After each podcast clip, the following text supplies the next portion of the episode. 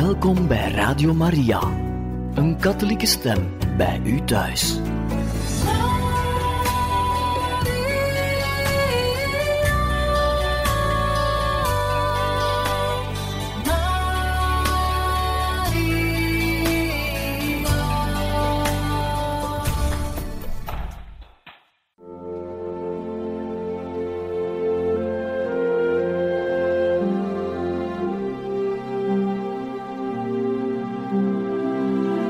Beste luisteraars van Radio Maria, welkom bij het programma Catechismus. Een overweging bij de geloofschat van de kerk.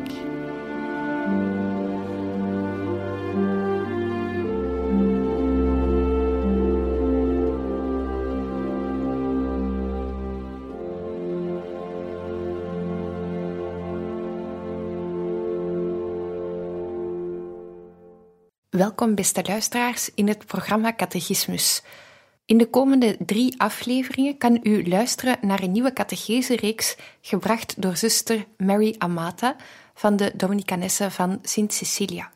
En zij zal het hebben over gebed in de school van de heilige Dominicus. We laten haar aan het woord. Ik ben zuster Mary Amata, Dominicanes van Sint Cecilia vanuit Nashville, Tennessee, in de Verenigde Staten en ik woon in Sittard in Nederland. Als Dominicanes geef ik het beste wanneer ik geef wat God mij heeft gegeven in gebed. In Latijn contemplare et contemplata ali stradere. Dit is een motto van de Dominicaanse orde, een van de motto's, dat geïnspireerd werd door heilige Thomas van Aquino, de groot Dominicaan van de 13e eeuw het betekent de vruchten van contemplatie aan anderen doorgeven. Anders gezegd, ik heb voor u gebeden en waarvoor ik ga spreken, heb ik ontvangen in de diepte van mijn gebed. Een Engelse Dominicaan, pater Lawrence Lew, schreef eens: Ik ben ervan overtuigd dat het motto Contemplare et contemplata alii stradere niet alleen de roeping van de Dominicanen weergeeft, maar ook de prioriteiten van het christelijk leven. Gebed komt voor actie en ondersteunt deze. Dit evenwicht tussen gebed en prediking vinden we terug in de beschrijving van de heilige Dominicus als een man die te alle tijden ofwel tot God sprak, ofwel over God sprak.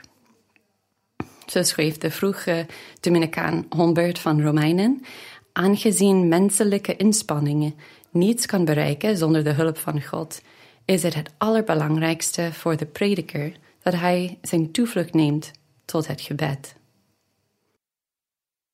Heilige Dominicus staat bekend als prediker eigenlijk, maar weinig mensen weten dat hij een hele rijke gebedsleven heeft gehad. Zijn medebroeders hebben dit kunnen ervaren, vaak stiekem in de nacht, en sommigen hebben erover geschreven in een klein boekje dat wij nu hebben met de titel De negen manieren van het gebed van Heilige Dominicus. Dominicus heeft net uh, niet zoveel achtergelaten wat betreft brieven of boeken of opgeschreven preken eigenlijk. Hij heeft een orde van predikers opgericht. Daar ben ik zuster van.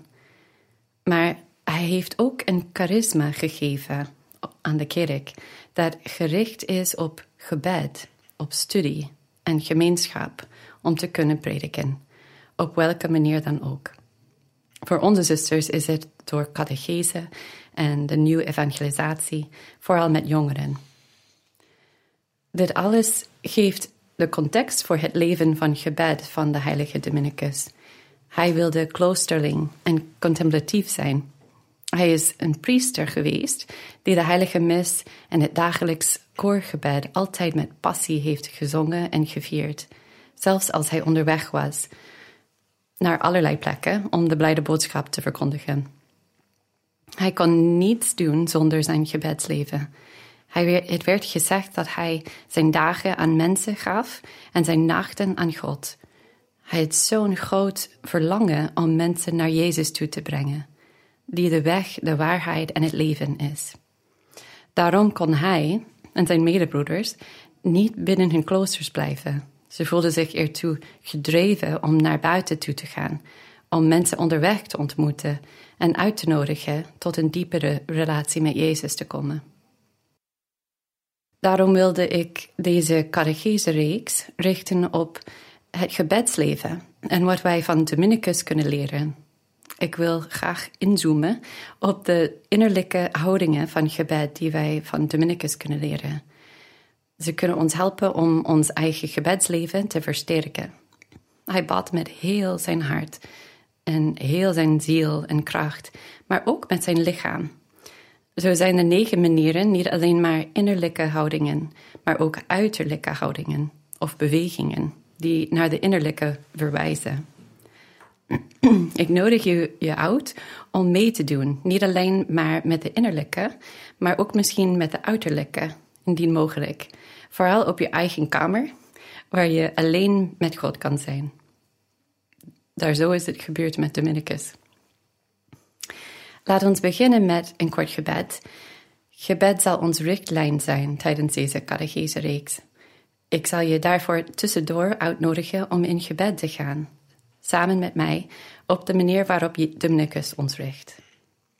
Dus wij beginnen in de naam van de Vader en de Zoon en de Heilige Geest. Amen.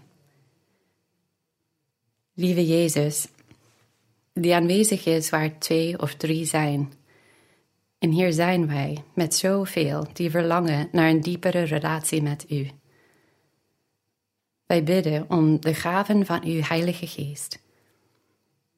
U bent altijd aanwezig in ons hart door ons doopsel.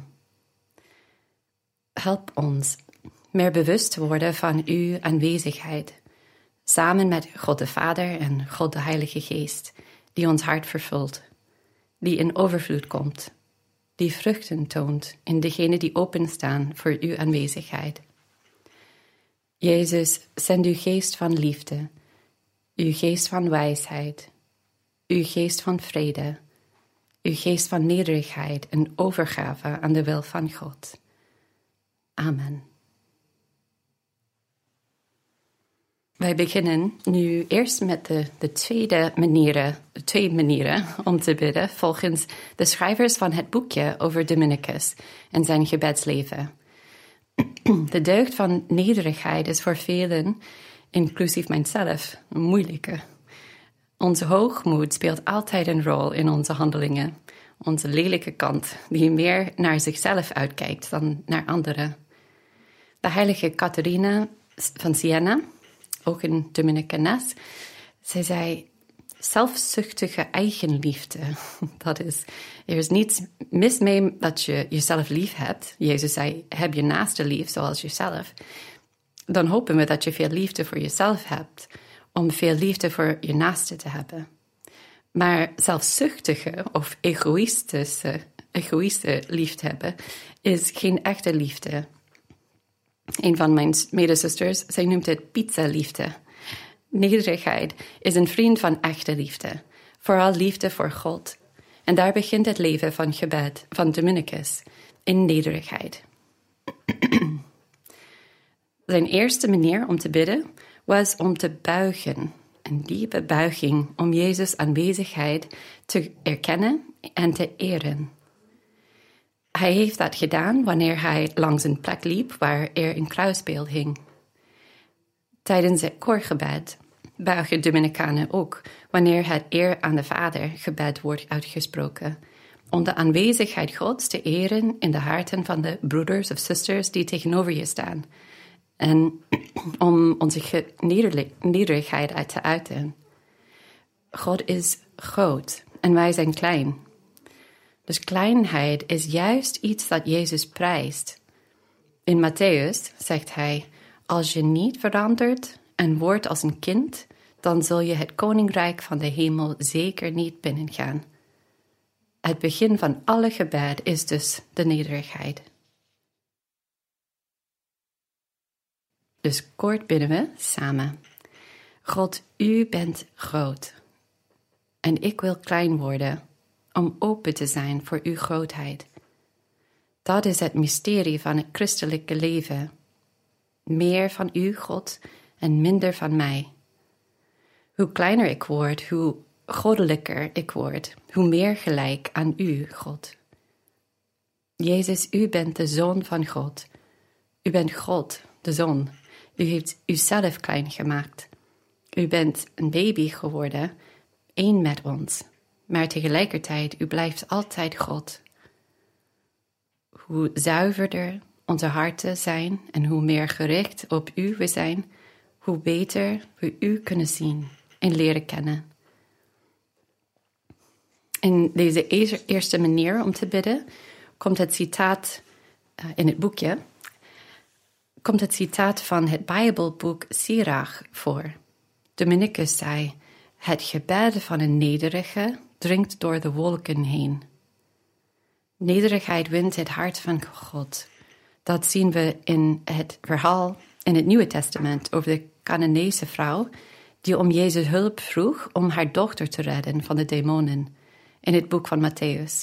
Dat is Matthäus 15. Nederigheid is eer om te erkennen wie we echt zijn in de ogen van God. Wie Hij heeft gemaakt toen Hij mij gedacht heeft.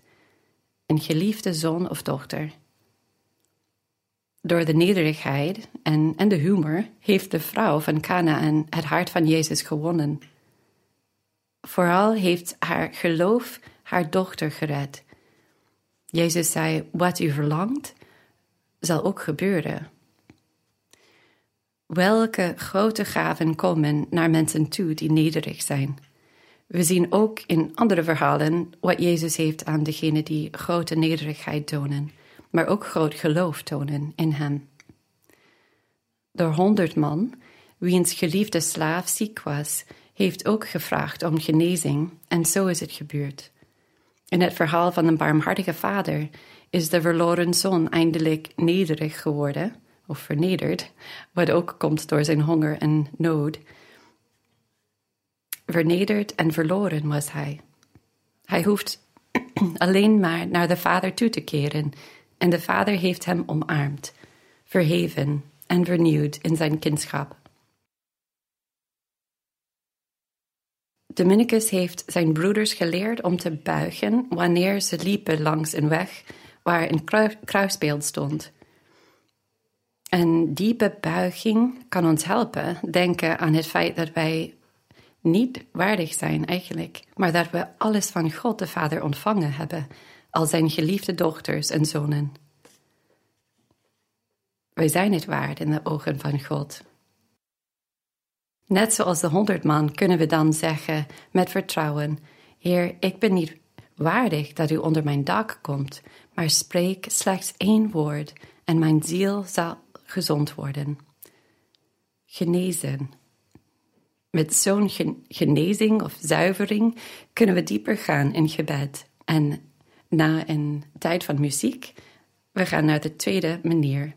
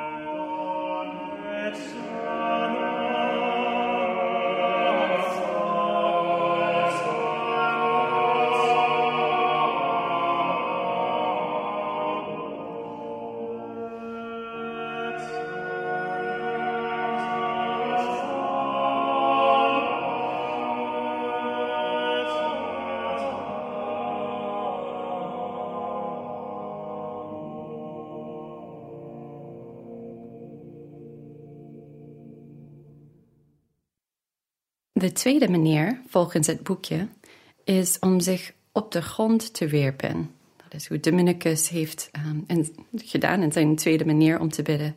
Net zoals de wijzen in het oosten, die cadeautjes naar Jezus toe kwamen brengen.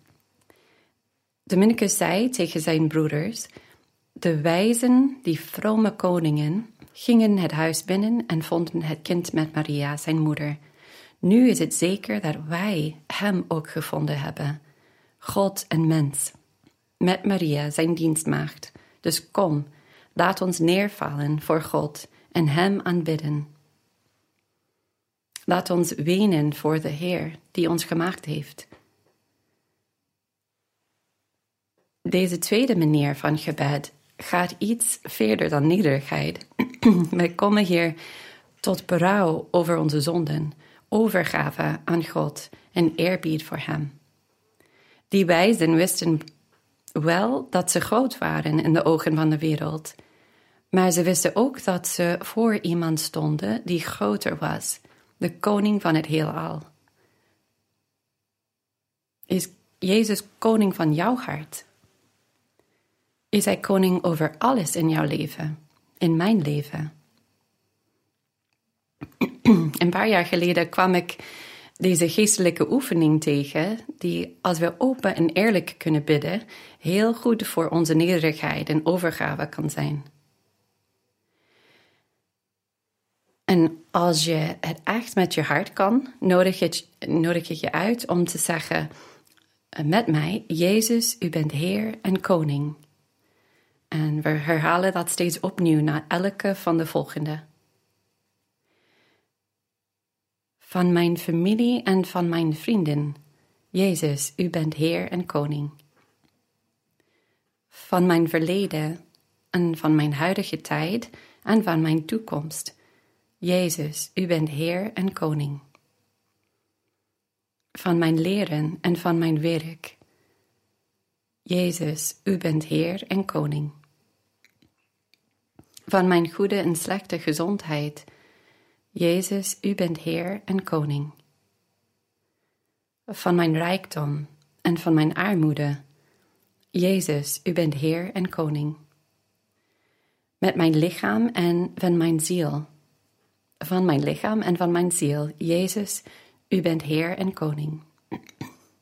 Van mijn persoonlijke relaties.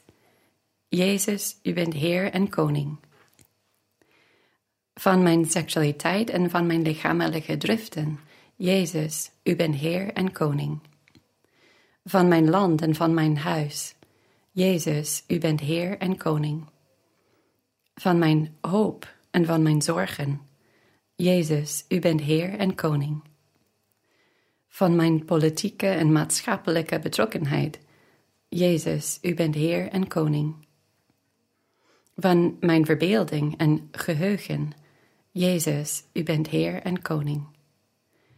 Van mijn intelligentie en van mijn wil. Jezus, u bent Heer en Koning. Als het moeilijk was om bij een of de andere zin Jezus, u bent Heer en Koning uit te spreken, misschien is het dan goed om erover na te denken en erover te bidden. Welke sfeer in mijn leven komt niet onder het koninkrijk Gods. Wat probeer ik te verbergen voor Jezus? Waar is Hij niet Heer van mijn leven?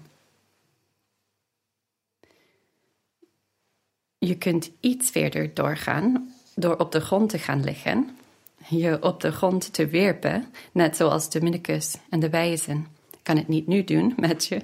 Maar dat kan ook helpen. Vanuit dat perspectief van, van de grond kan je het voelen wat overgave echt is. wat eerbied is voor God. Misschien kan je dat niet vanwege een lichamelijke beperking of ziekte, dan werp je jouw hart op de grond. En niet letterlijk, maar figuurlijk. Of misschien open je handen en laat je alles aan God over, met lege handen. Ik merk dat als ik zo bid, met mijn handen open of met mijn heel mijn lichaam, dat er dan een andere dynamiek in mijn gebed speelt. We zijn gemaakt door God met ziel en lichaam. En alles wat er gebeurt in onze ziel komt vaak voor in ons lichaam. Dominicus bad vaak, vaak: Heer, heb erbarmen met mij. En wanneer hij zo bad op de grond, hij was zich bewust van zijn zonden. En met degenen die geen zonden hadden, zei hij: Indien gij niet kunt wenen om uw eigen zonde, omdat gij er geen hebt, dan zijn er toch vele zondaars die tot barmhartigheid en liefde moeten worden gebracht.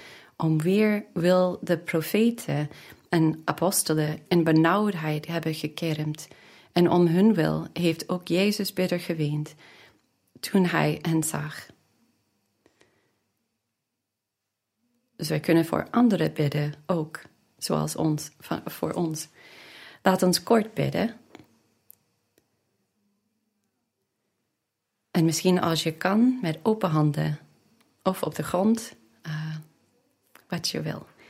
Dominicus, uh, net zoals Dominicus. We bidden, Jezus, ik heb u ook gevonden, net zoals de wijze. Ik heb u gevonden, God en mens, koning van hemel en aarde. Ik kom, Jezus, om u te aanbidden, u te loven, u te prijzen. Jezus, u bent Heer van heel mijn leven. Kom, Heer Jezus, koning van mijn hart, koning van het heelal. Amen.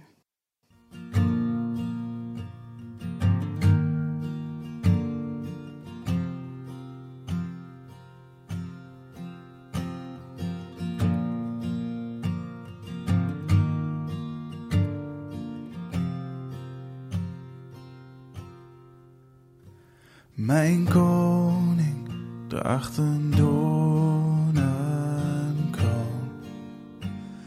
bespot, bespuugd, geslagen.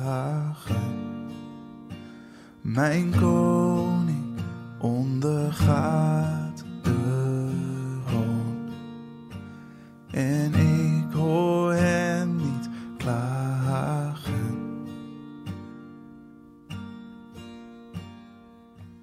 Ik begrijp niet alles, maar als ik naar u voel ik een diep verlangen naar waarheid, naar uw koninkrijk. Jezus, u wil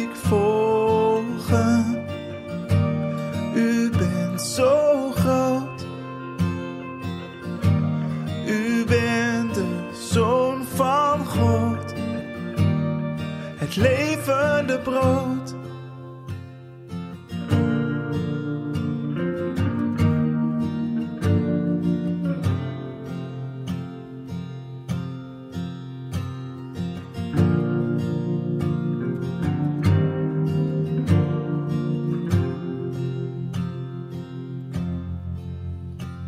Mijn koning draagt de last tot het uiterste gedreven. Mijn koning buigt zijn hoofd en zwijgt. Hij heeft de geest